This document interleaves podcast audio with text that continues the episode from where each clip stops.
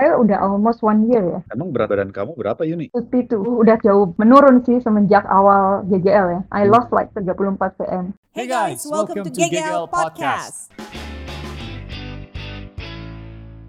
Hai Ah, Yuni, Hai, Apa hai, kabar? hai. Baik, baik, baik. How are you coach? I'm good, I'm good. GGL tuh selalu diarahkan untuk fat loss dulu kan ya. Yes. Which is totally good and hasilnya itu ada. Saya udah almost one year ya. Emang berat badan kamu berapa Yuni? 52 udah jauh menurun sih semenjak awal GGL ya. I Hmm. lost like 34 cm. Ya kalau dibilang pasti masih ada fat lah ya, but I feel so much stronger ya kan Olahraga deadlift gitu kan kamu di mana? Di rumah atau di gym? di rumah. Di I'm rumah. using like 45 kilo barbell sih. Ya. That's good. Like a different woman gak sih? Lebih kuat. Oh ya, meskipun kita waktu main liburan ke Bali ya, kadang-kadang kalau kita liburan kan capek gitu ya, mesti ngurusin anak-anak, gini-gini. I have so much more energy gitu. Pagi misalnya mau goes, terus sore misalnya nemenin mereka renang tuh ya, kayak banyak energi gitu.